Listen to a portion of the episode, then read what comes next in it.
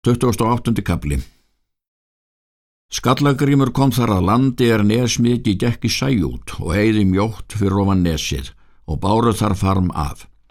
Það kölluðu þeir knarrarnes.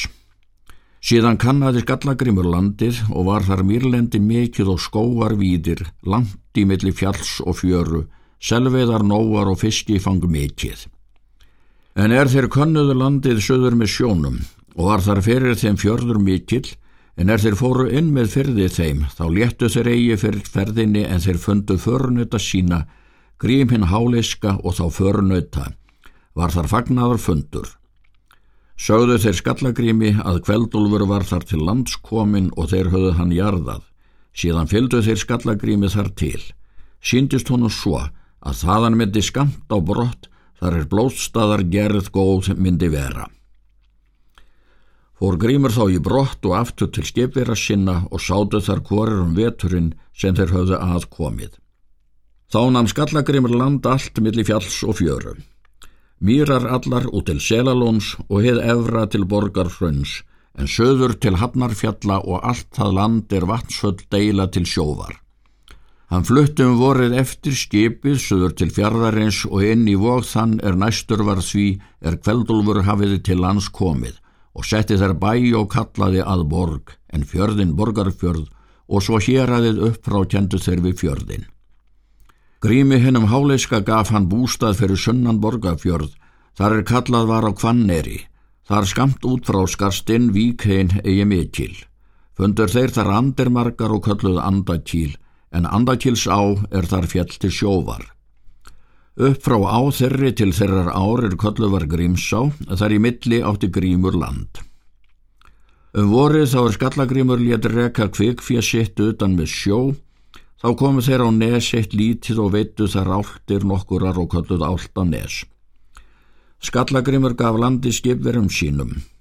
Ána gaf hann landi millir langár og hafslækjar og bjó hann að ána brekku. Sónur hans var vönundur sjóni. Grímólfur byggði fyrst á Grímólsstöðum, við hennar er kendi Grímólsfit og Grímólslækur. Grímur hétt sonur hans er bjóð fyrir sunnan fjörð. Hans son var Grímar er bjóð á Grímarstöðum. Um hann deldu þeir þorstirn og tungu ottur. Grani bjóða Granastöðum í Digranessi. Þorbirni Krum gaf hann land upp með gufu á og Þorði Beigalda Bjó krömur í krömshólum en þorður í beigalda. Þórið þurs og þeim bræðrum gaf hann landu frá einkunnum og hefði eitra með langá. Þórið þurs bjó í þursstöðum, hans dóttir var Þórti Stöng er bjó í Stangarholti síðan. Þorgir bjó í Jarlangstöðum.